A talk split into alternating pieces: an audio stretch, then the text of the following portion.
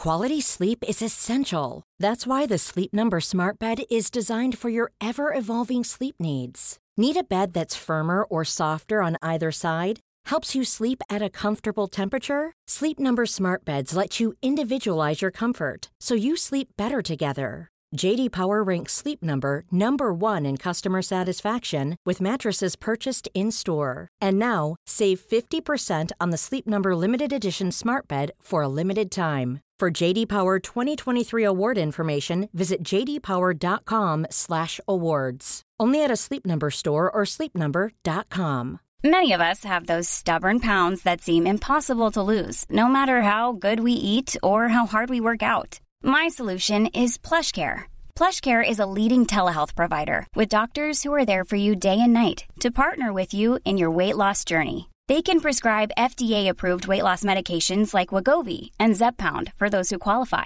Plus, they accept most insurance plans. To get started, visit plushcare.com slash weight loss. That's plushcare.com slash weight loss.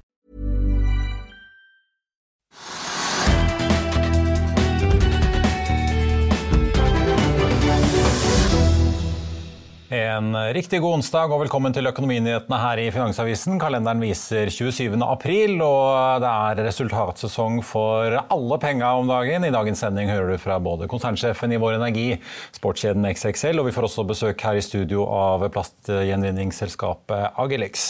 Men aller først, la oss se på markedet akkurat nå. Et fat nordsjøolje er litt ned i dag, en halv prosent til 104,50 dollar omtrent i spotmarkedet. Den amerikanske lettoljen Oljen har karret seg over 100-dollarsmerket og ligger nå på 101 dollar.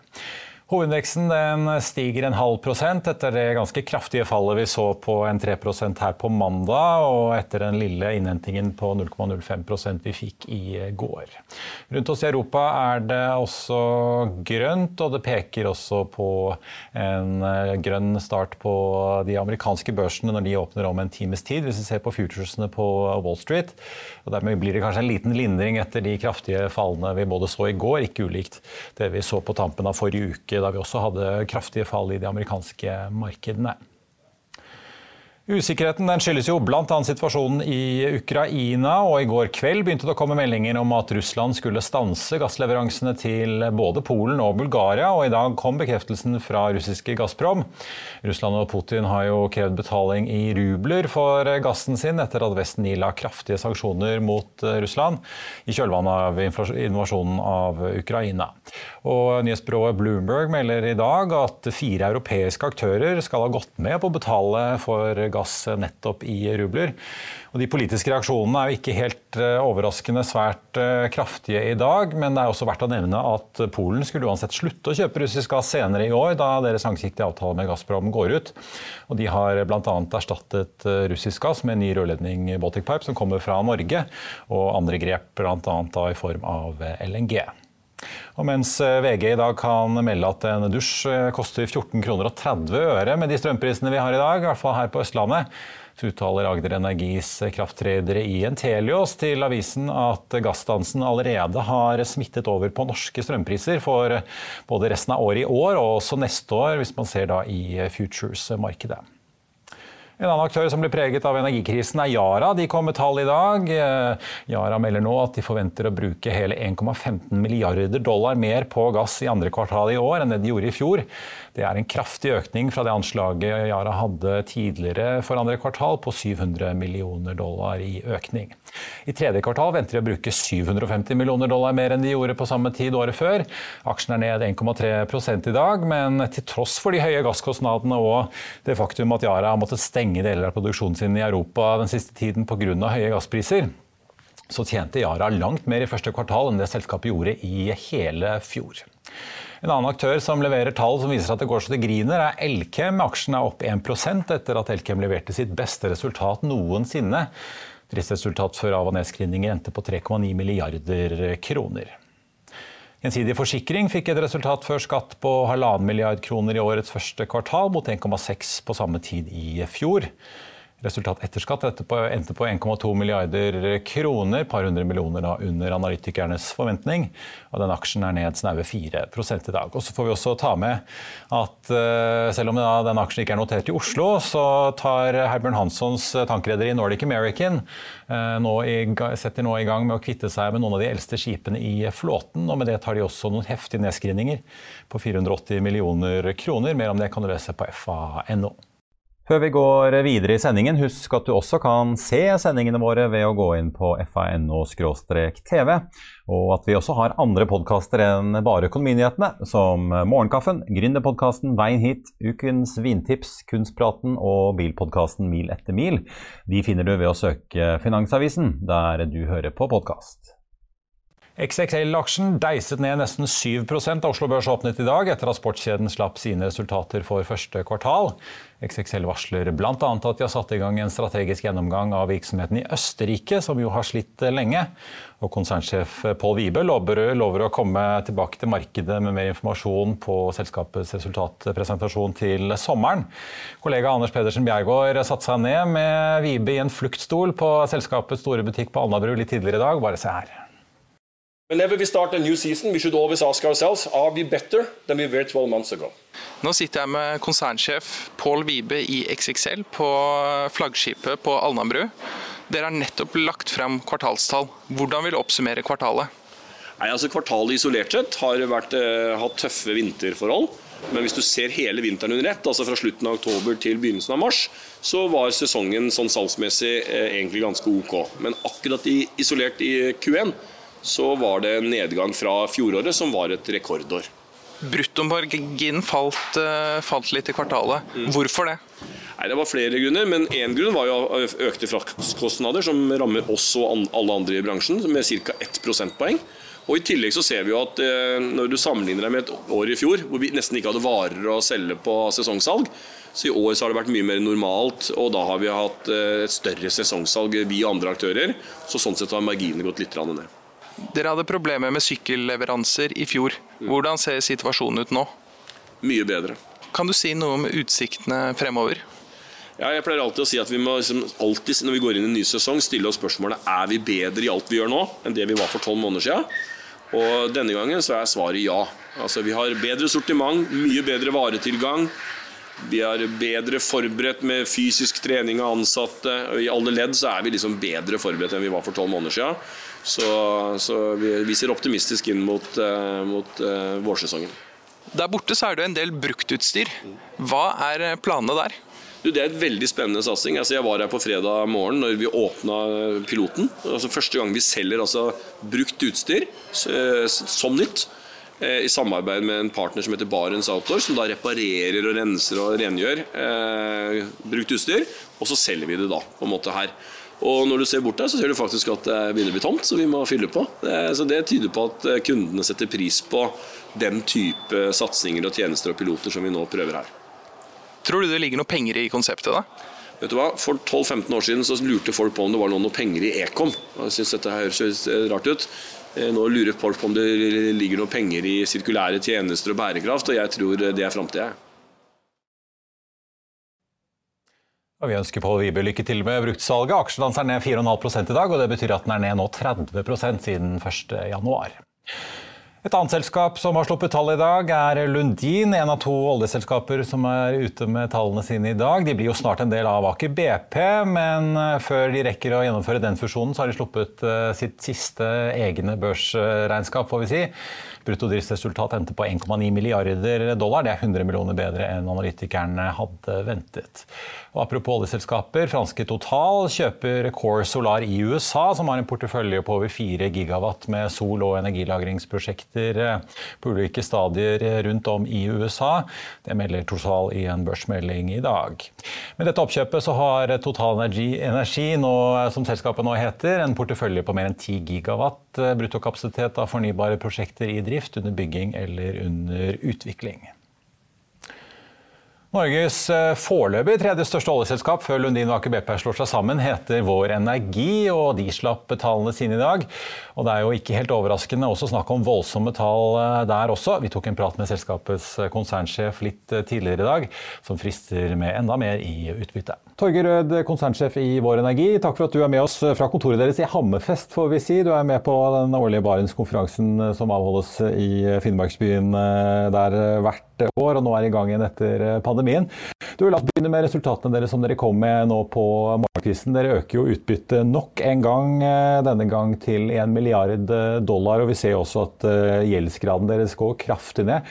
Kan du si litt om hvordan nøkkeltallene ser ut for dere nå, egentlig? Ja, det, det, kan jeg. Takk skal du ha, først og fremst. Eh, kjekt å være her. Og selvfølgelig kjekt å være i Hammerfest òg. Og få lov å legge fram tallene for Vår Energi fra Hammerfest, der vi har eh, viktig driftskontor Eh, for, for Goliat, du er inne på. Eh, sånn som du sier, altså, Vi legger jo fram et veldig sterkt kvartalsresultat. og jeg, jeg, føler jo dette virkelig underbygger det vår energi handler om. Sant? litt sånn, Det unike. Det, og det, skal ta det kjapt, så går jo det på den store verdiskapningen. Og, og vi legger jo fram et bedragsresultat på 2,2 milliarder dollar. Så har vi en stor vekst foran oss. Sant? 350 000 fat. Eh, mot eh, utgangen av 2025. Og så har vi òg eh, et stort fokus på det, og så gi si, tilbake til våre eiere, det å distribuere. Og som du var innom der, det er at og Resultatene våre blir jo drevet av høye produktpriser, det må vi jo være tydelige på. Og, det, og, vi tror at disse produktprisene vil holde seg høye. Og, og basert på vår dividendefilosofi, så har vi da én sagt at vi skal betale 225 millioner dollar for Q1. Det sa vi jo sist vi snakkes. Og så sier vi at vi skal vi guide og har en forventning å betale 260 millioner US dollar for kvartal to. Og så da for det hele året så går vi da til en hel, en hel milliard eh, dollar i, i, i utbytte. Sant? Og det, det, reflekterer jo da det vi tror, at vi, vi tror det blir høye produktpriser eh, framover. Eh, og selvfølgelig da stor verdiskapning. og og høy produksjon for, for vår energi. Så, så, Det er det som reflekterer vårt, eh, vårt resultat eh, som vi legger fram nå i, i, i dag. Ja, men Torger, altså Dere sier jo også at dere fra og med neste år eh, planlegger å da legge, legge dere på et utbyttenivå på 20-30% av fri kontantstrøm etter skatt. Hvis man regner det på den vanvittige kontantstrømmen dere tross alt hadde da i første kvartal, så er vi jo fort oppe i 400, 500 og kanskje 600 millioner dollar bare i dette kvartalet. Hvor mye oppside er det nå utover den milliarden med dollar som dere planlegger å dele ut nå? Eh, nei, Det er helt riktig. det. Så som en del av vår dividendefilosofi så ønsker vi å være tydelige på hva områder vi skal legge oss. da. Eh, og da er det sånn som du sier 20-30 eh, av den frie cashflowen etter skatt er det vi ser for oss. Og så vet du at det, er jo mange parametere som spiller inn på den frie cashflowen vår. Og, og, det, og det, jeg tror det er to ting som har greie å ha med seg hvis en skal liksom, begynne å gjøre det, det raske regnestykket du gjorde. det er klart at eh, For Q1 så har vi en relativt lite, betaler vi relativt lite skatt. Så det må vi ta med oss, for det, det skal vi betale ganske mye av eh, i fortsettelsen når vi, når vi har gode resultater som, som eh, nå.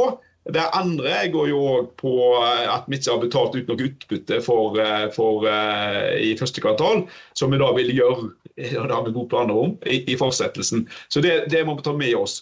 Og så er det jo det som vi òg ønsker å være tydelige på, som vi, har gjort, det er at vi, vi, tar en beslutning på utbytte per kvartal. Uh, og nå, nå, er vi jo der.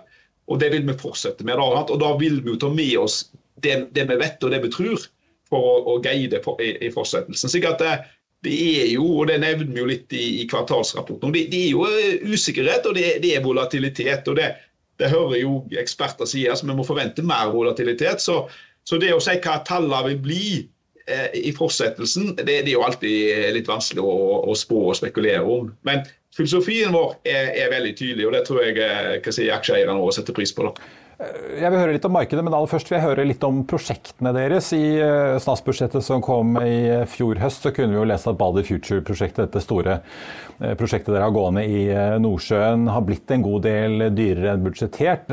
Rundt en 7 milliarder kroner opp fra budsjettet på 20. I kvartalsrapporten nå så skriver dere jo at verden er jo preget av kostnadsinflasjon og en del usikkerhet i leveransekjedene. Hvordan ser det ut for Bader Future og de andre prosjektene i porteføljen nå? Har de blitt dyrere enn det dere har trodd? Altså, vi har jo vi har jo mange prosjekter i prosjektporteføljen vår. Eh, raskt telt så har vi 14 prosjekter som nå er i gjennomføring, og vi er jo i ferd med å kanskje beslutte noen til. Og, og eh, Hvis vi zoomer ut, store hele, det er jo at eh, disse prosjektene de, de, går bra. Vi er eh, si, on track i forhold til, og Det er jo disse 14 prosjektene som skal ta oss til den store veksten som vi har, så konkret og god til over 350 000 fat innen utgangen av, av 2025. Eh, og så sier vi også I forhold til investeringsrammene da, så sier vi at vi opprettholder Capex-guidinga vår for 2022, eh, som da er 2,3 til 2,6 milliarder dollar. Så, så, det reflekterer jo litt om hvor, hvor vi mener vi ligger i, på, på vegne av hele, hele prosjektporteføljen.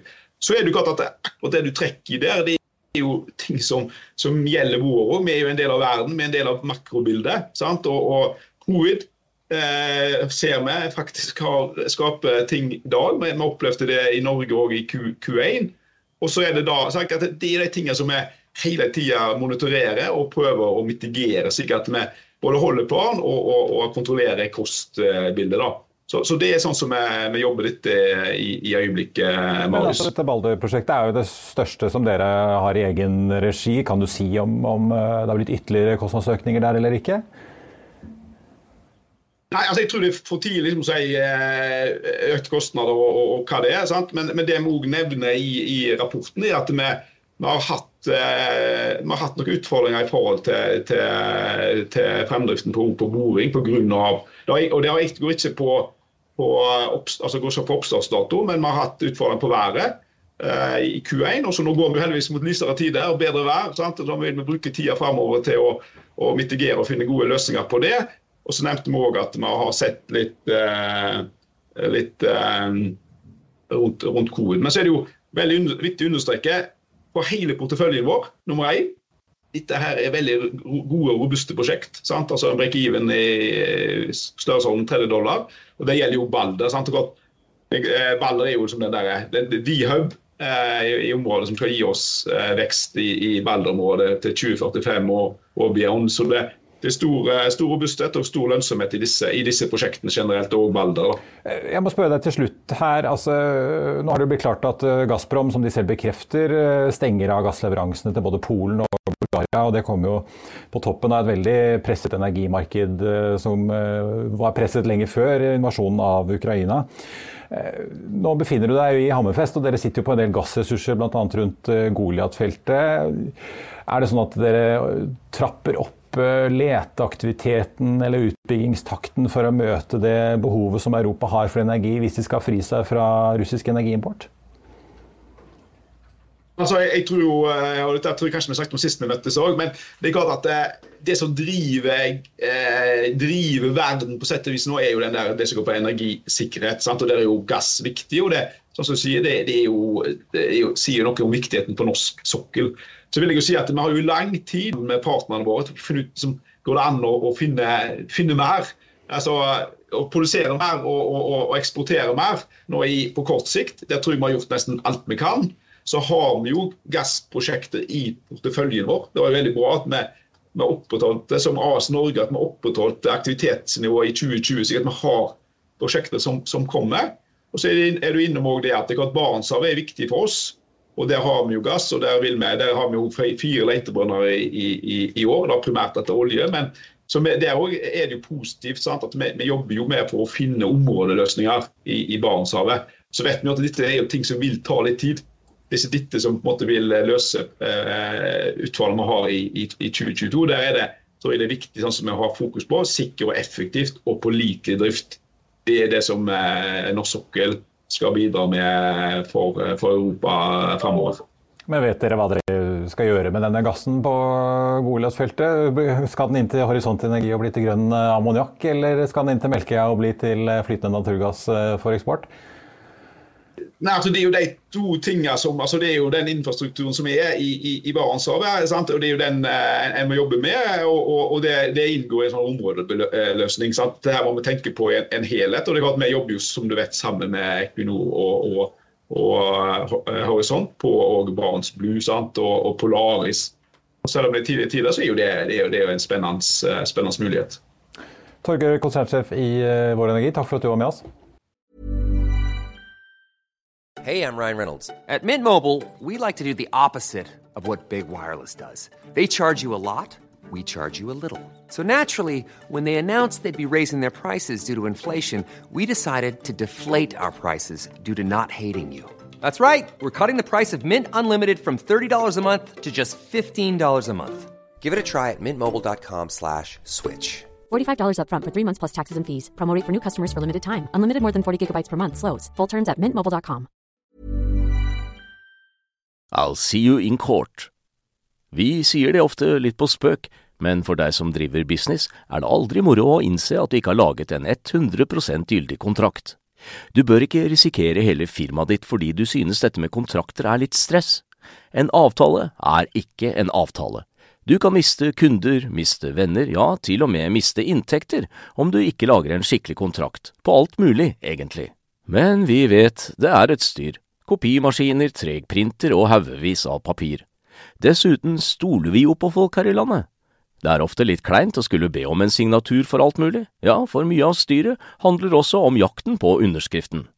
Det finnes en enkel måte å løse dette på, Dukkobit, en trygg, effektiv og get this, gratis måte å sikre seg en god natts søvn pluss en juridisk bindende avtale. Dukkobit-appen har de strengeste sikkerhetskrav i bunn, samt en EU-godkjent og sertifisert teknologi. Framover vil det bli behagelig å spørre du, skal vi skrive under på det, eller? Kom i gang på dukkobit.no. Og nå over til eh, dagens gjest, som jobber i et selskap som vil eh, redde verden eh, med lønnsomhet, får vi kanskje håpe, med gjenvinning av plast. Og de er jo langt ifra de eneste som driver med det på Oslo Børs. Men de skiller seg kanskje litt ut ved at de vil selge denne omdante plasten inn som flybensin. Velkommen til oss, Karsten Larsen, kommersiell direktør i Agelix. Takk skal du ha. Og velkommen til Norge, får vi si. Du er jo basert i København til um, vanlig. Jeg tenkte vi skulle begynne med litt å plassere dere, for vi har jo, som ja. jeg hintet om, et veldig kjent selskap som heter Quantafuel på Oslo Børs. Vi har akkurat fått inn uh, dine landsmenn i Waste Plastic Upcycling, som akkurat ble børsnotert uh, på Oslo Børs, og da dere i Agelix, som kom inn høsten 2020. Ja.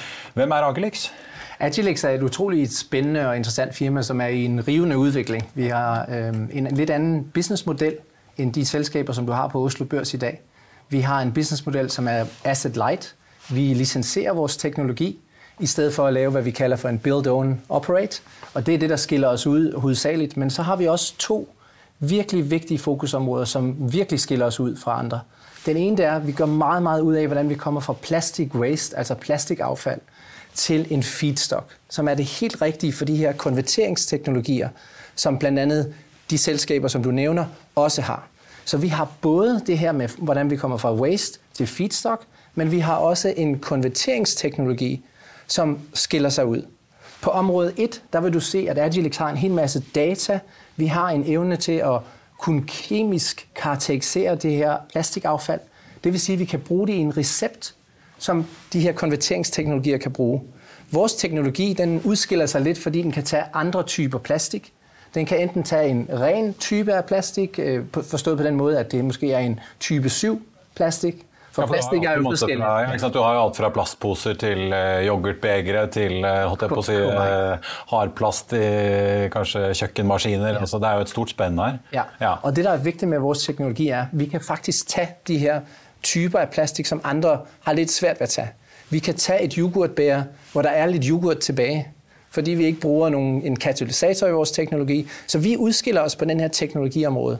Men der er ingen firmaer, der har de her to fokusområder fra plastic waste til feedstock, og fra feedstock til hvad vi kalder for produkter, som er, som er vigtige for os i den her cirkulære økonomi. Eh, men dere som du sier, dere skiller dere ut, for dere skal jo da ikke bygge eller eie disse anleggene selv. så Sånn sett trenger dere jo litt mindre finansiering enn mange andre. Men Correct. Eh, er denne teknologien på en måte, er den i fullskala og eh, klar for liksom volumdrift, eller er dere fortsatt på et stadie hvor dere må finjustere litt og på en måte sakte, men sikkert øke volumene? Ja, vi er jo veldig glade for at vi har vært i Norge i dag og, og snakket om virkelig en kommersiell milepæl. Vi har jo, som, som du riktig har sagt, vi har brukt noen år på å og virkelig investere i vores organisation, opbygge en organisation, opbygge de her to fokusområder. Vi har, vi har investeret en masse i, i mennesker og i teknologi, og vi er nu kommet til det punkt, hvor vi i dag øh, har annonceret, at vi har 3 millioner i omsætning i første kvartal i 2022, og vi har yderligere 4,8 millioner for Toyo, som er vores første projekt, som er kommet inn i det vi kaller for construction. Ja, for det er jo altså Toyo japanske Mange kjenner vel dekkprodusenten, for så vidt. Det er nemlig det er stort industrikonsern. Ja, det er riktig. Ja. Og de bruker vårt materiale til å lage high performance dekk, altså bildekk øh, og andre typer av dekk. Ja. Så, da, så 2022 blir egentlig året For dere har jo hatt stabile inntekter på snaue 5 millioner nå de siste par årene. Men da regner dere med at i år blir året hvor dere faktisk begynner å få inntekter dere kan leve av? Da. Ja, Nå begynner vi å se at det kommer dollar på, øh, på bankkontoen. Og, det, og det er jo deilig at, at, vi ser virkelig at denne businessmodellen den fungerer. Um, for det, det, har vært viktig for oss å bevise at vi nå har en, øh, en sterk pipeline hvor vi kan få flere prosjekter igjennom. Og det har vi også annonsert i dag, at vi har uh, en sterk pipeline. Vi har annonsert i dag at Cyclex, som er vår waste til, ja, til Sorteringsdelen av bedriften. Ja, at, at de har øh, ydet salg, de har øh, medlemmer. Vi har nå de fem største produsenter i verden av plastikk som er medlemmer av Cyclex. Og det er også et stort, øh, stort skritt for oss. Og så har vi, som, øh, som du også vet, øh, annonsert vårt strategiske partnerskap med Virgin. Ja, jeg tenkte Før vi kommer dit, så vil jeg bare høre. fordi øh, Dere kom jo på børs øh, i september i 2020. Hentet uh, 300 millioner kroner i en emisjon Correct. den gangen. og Det har jo for vært ganske hyggelig for de som kom inn på, på 18, snaue 18 kroner aksjen. Ja. Eh, så har dere jo ligget ganske stabilt rundt den aksjekursen som dere åpnet på, på en 32 eh, kroner omtrent ja. siden den gang, i motsetning til en del andre som har falt eh, ganske kraftig. Men hvis vi ser i regnskapet deres, så, så gikk dere jo i fjor fra å ha 40 millioner til like under 20 på konto. Korrekt. Ikke helt overraskende som et selskap som Nei. etablerer seg, men er det sånn at de, de, pengene dere har og de inntektene dere nå regner med i år, holder det til å, å få butikken til å gå rundt, eller vil dere trenge ny finansiering? Ja, men jeg tror, jeg tror I den, den forbindelse er det veldig viktig å kikke på vores pipeline. Vi har i dag offentliggjort en pipeline, som har mange prosjekter, der kommer, begynner å komme igjennom. Og vores CFO har tidligere sagt i dag på vores møde, at i, i, med hensyn til cash, så har vi, så vi kan komme igennem, hvis de prosjekter, som vi, som vi ved vi har, de kommer igennem denne pipeline. Mm. Så det ser rigtig spændende ut for, for Agilex, at vi kan komme igennem denne situasjonen. Uten å på en måte hente noe mer penger? Ja. ja. Men da til dette samarbeidet, fordi i og med at dere skal jo ikke eie disse fabrikkene selv, så slipper jo dere også å, å selge da drivstoffet, det syntetiske drivstoffet man får ut av det. Men, men likevel, Virgin de er jo aksjonærer i selskapet deres og vil da bruke dette produktet som et bærekraftig flydrivstoff. Ja. Hvorfor det, og ikke biodrivstoff fra skog, som vi jo vet også mange andre jobber med? For, eksempel? ja, vi synes, for det første syns vi det er et riktig spennende prosjekt. At Virgin har valgt Agilex øh, teknologi til, til denne type av produkt, syns vi er riktig spennende. Og det er, vi, det er vi meget, meget glade for. Og hvis du kikker på hele markedet for du kan kalle det sustainable aviation fuels eller lower carbon fuels, så er det jo på den måte at, at øh, det er et kjempe marked. Ja, for Man kalte det jo biodrivstoff uh, før, ja. men nå heter det jo Sustainable Aviation Fuel. altså rett og slett Fordi det er både biodrivstoff og, syntetiske produkter og veldig mange ulike løsninger som er under utvikling. Ja, det er riktig. Og Vi mener at det her det er en god modell for å hjelpe denne industri til å, det, med deres carbon footprint å få det ned. Så det er en riktig god transition-strategi hvor vi, vi kan hjelpe dem med å komme i gang. Jeg, synes, jeg tror, der var en artikel mellom Neste og Virgin Group og Exxon for nylig, hvor de snakket om 2,5 millioner liter av biobased fuels. Og der var en kommentar at det skulle øges med 70, så 70 gange, hvis man virkelig skulle nå det her mål, der hedder 10 av, av deres øh, brændstof, som skal være sustainable aviation fuel. Så du kan jo se, det er et enormt marked, og derfor er vi meget, meget glade for, at de har valgt Agilex som, som teknologipartner. Men, men ja, Fortell litt om på en måte de eh, for Dette går jo ikke av seg selv. og Virgin sier jo at de skal ha 10% i 2030 på flyselskapene sine, Virgin, Virgin Atlantic bl.a. annet det er jo ve veldig lite, tross alt, men det viser jo kanskje også hvor krevende det er for flyselskapene å faktisk eh, bli grønne. Ja. Hva er det som skal til for å komme dit? da? Er det sånn at myndighetene må legge avgifter på tradisjonell flydrivstoff, eller handler det bare om at dere må få en eller annen kunde som, eh, som, er villig til å betale for et stort nok anlegg, sånn at du får opp volumene? Jeg tror, Hvis man tar et skridt tilbake, så tror jeg, det handler litt om at, at det her det er jo et enormt marked, og at vi skal gi muligheter for forskjellige teknologier, at der kan hentes. Så det ikke kun blir biobasert, det ikke kun blir plastikkbasert, men at vi virkelig får noen teknologier, så de her flyselskaper virkelig kan, kan oppnå deres mål. Fordi det er virkelig et kæmpe marked, som, som er derude. Og hvis vi skal oppnå det bare med biobaserede materialer, det blir svært. Ja, det blir fordi vi ser jo Airbus jobber jo med, fortsatt med fly på hydrogen. Det jobbes jo med mindre fly på batterier, altså elektriske fly. Korrekt. Biodrivstoff basert på skog, men du, det du sier at du trenger både på en måte den plastdrivstoffet dere kan lage, og skogbasert og hydrogen. Altså Du trenger ja. nesten alt ja. hvis man skal klare det. Ja, men Det er korrekt. Fordi du skal ha forskjellige uh, løsninger. Vi tror det er viktig at man kan ta blandet plastikk i stedet for at det skal gå til spille at man så kan ta det og lave om til en lower carbon fuel. Vi kan hjelpe øh, industrien med at få et lavere CO2-aftryk, og så på den måten kan vi komme videre. Det er ikke sikkert, at det måske er den ideelle situation i fremtiden, fordi måske går det her plastik tilbage til en anden plastikanvending, men i hvert fald som en transition model er det utrolig spændende, og som jeg har sagt, et kæmpe marked for oss som Agilex, som vi er, vi er rigtig glade for å arbeide med Virgin Group i. Men hvis du ser litt uh, bredere på det, hvor er det dere ser at markedet for løsningen deres er størst? da? Dere selger jo i Japan, Virgin skal jo sier de i hvert fall, vil etablere eh, anlegg for å produsere dette for flydrivstoff i USA og, og Storbritannia, i UK. Ja, ja. Altså, hvor, hvor, er det ett marked som utpeker seg for dere som det største, liksom, eller er det Nei, men det er jo et globalt marked. Det er jo et kjempemarked globalt, og det er jo relevant for oss andre flyselskaper enn vi Virgin. Altså, Virgin har jo vært meget fremgangsrike fremgangsrige å si at vi skal ha et mål på 10% og vi skal ha et annet mål i 2050 som heter øh, carbon neutral. Så de har vært meget foregangsmodellen på det her markedet. Men det er jo andre flyselskaper som Virgin er store, men det er andre der er enda større. Så du kan jo kun forestille deg hvor, hvor, hvor, stort det her det egentlig uh, det er. Men er det sånn at uh, i Europa hvor man begynner å få en ganske dyr pris på CO2-utslipp, at det gjør at uh, dere har større forhåpninger til at Europa vil bli et større marked, eller er ikke det nødvendigvis sånn? Ja, men jeg tror både Europa og jeg tror også Nord-Amerika vil bli et, et attraktivt marked. Og jeg tror faktisk at det blir et globalt marked når vi kommer derhen. Men jeg tror Europa er, er foregangsmarked, og USA er helt sikkert også med på den, hvis man kan si det sånn. Til slutt, eh, tør du å spå når eh, den første flytanken blir fylt med litt syntetisk drivstoff fra Agelikstad? det med å få glasskulen øh, ja. frem? Nei, det gjør jeg ikke, men jeg kan si til deg at vi har en, en, et prosjekt med en, en, gruppe som virkelig forsøker å sette, her, sette skubb i det her så hurtig som overhodet mulig. Det krever selvfølgelig at myndighetene de tillater det her. Det krever at en riktig lovgivning er på plass. Så vi er vi er full fart fremad på det her prosjektet, og vi er meget glade for å arbeide med Virgin. Karsten Larsen i Agelix, takk skal du ha for at du kom eh, til oss, og lykke til. Takk skal du ha. Eh, neste uke så kommer jo Equinor med sine kvartalstall, og som vi allerede nå vet, så blir jo de tallene ganske ville. Mer om det, og luftfart er noe av det du får i dagens aksjetips. Fra tidenes verste til tidenes beste resultat for Equinor, og Norwegian får seg en kjøpsanbefaling til. Det er onsdag 27. april, og dette er de viktigste oppdateringene fra meglerhusene. Anders Opedal tok over som konsernsjef i Equinor i november 2020, og siden den gang har han allerede rukket å legge frem selskapets dårligste og selskapets beste resultat noensinne.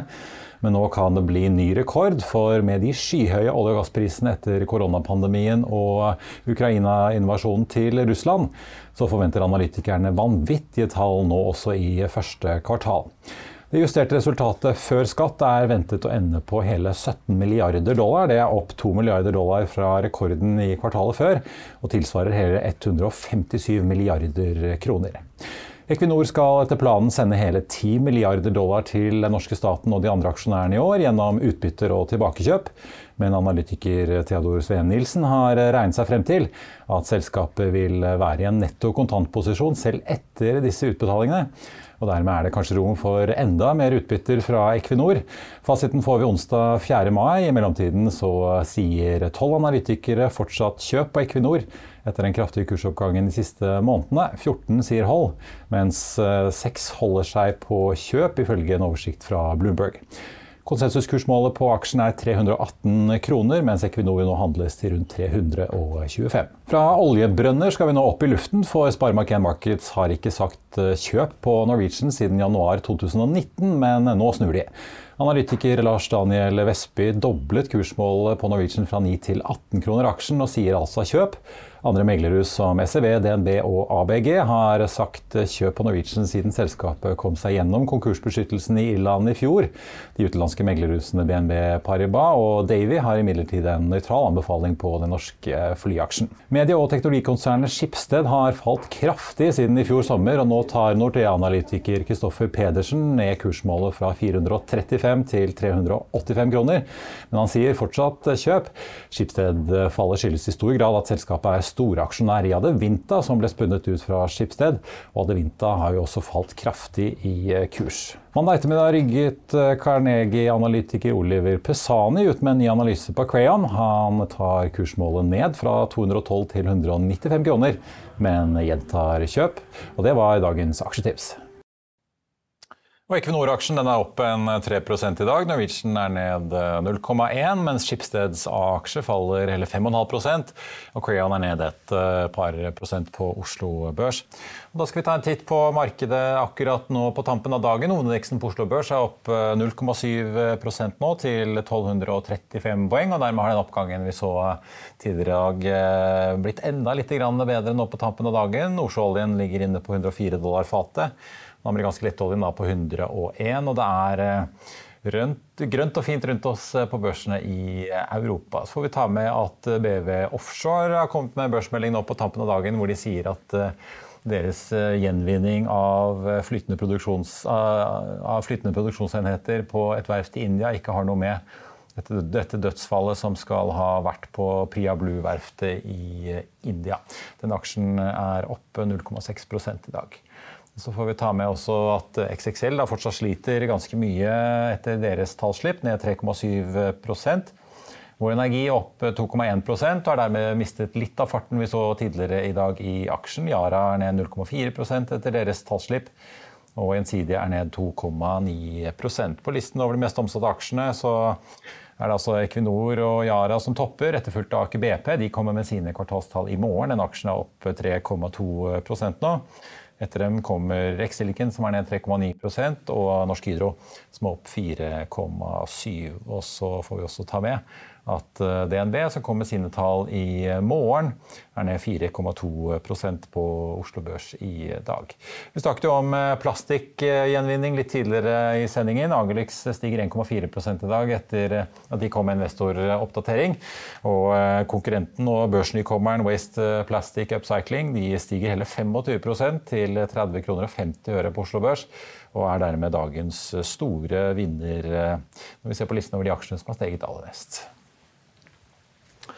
I Finansavisen i morgen skriver Trygve om markedsuroen og at det er Norge mot verden nå. Du kan også lese et børsintervju med Jeppe Bonde, som har troen på en tysk kobbergjenvinner. Du kan lese om hvordan uro og uvær slo ned i gjensidige-regnskapet, og om at verden ligner mer og mer på NHO-sjeføkonom Øystein Dørums krisescenario. Det er jammen en rar tid vi lever i. Og Det var sendingen vår på denne hendelsesrike onsdagen 27. april. Vi håper å se deg her igjen i morgen når vi er tilbake klokken 14.30. I mellomtiden ønsker vi deg en riktig god dag videre. Mitt navn er eh, Marius Lorentzen, og husk at du som alltid får siste nytt på fa.no både gjennom dag og natt. Takk for nå.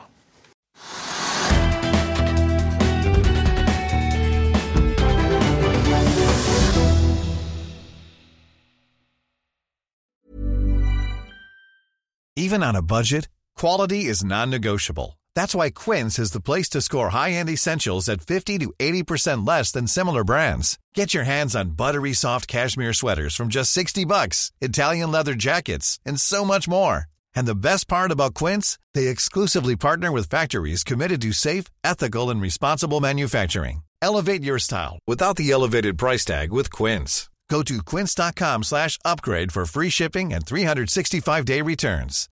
Hi, I'm Daniel, founder of Pretty Litter. Cats and cat owners deserve better than any old-fashioned litter. That's why I teamed up with scientists and veterinarians to create Pretty Litter. Its innovative crystal formula has superior odor control and weighs up to 80% less than clay litter. Pretty Litter even monitors health by changing colors to help detect early signs of potential illness. It's the world's smartest kitty litter. Go to prettylitter.com and use code ACAST for 20% off your first order and a free cat toy. Terms and conditions apply. See site for details. Økonominyhetene er en podkast fra Finansavisen. Programledere er Marius Lorentzen, Stein Ove Haugen og Benedikte Storm Bamvik. Produsenter er Lars Brenden Skram og Bashar Johar. Og ansvarlig redaktør er Trygve Hegnar.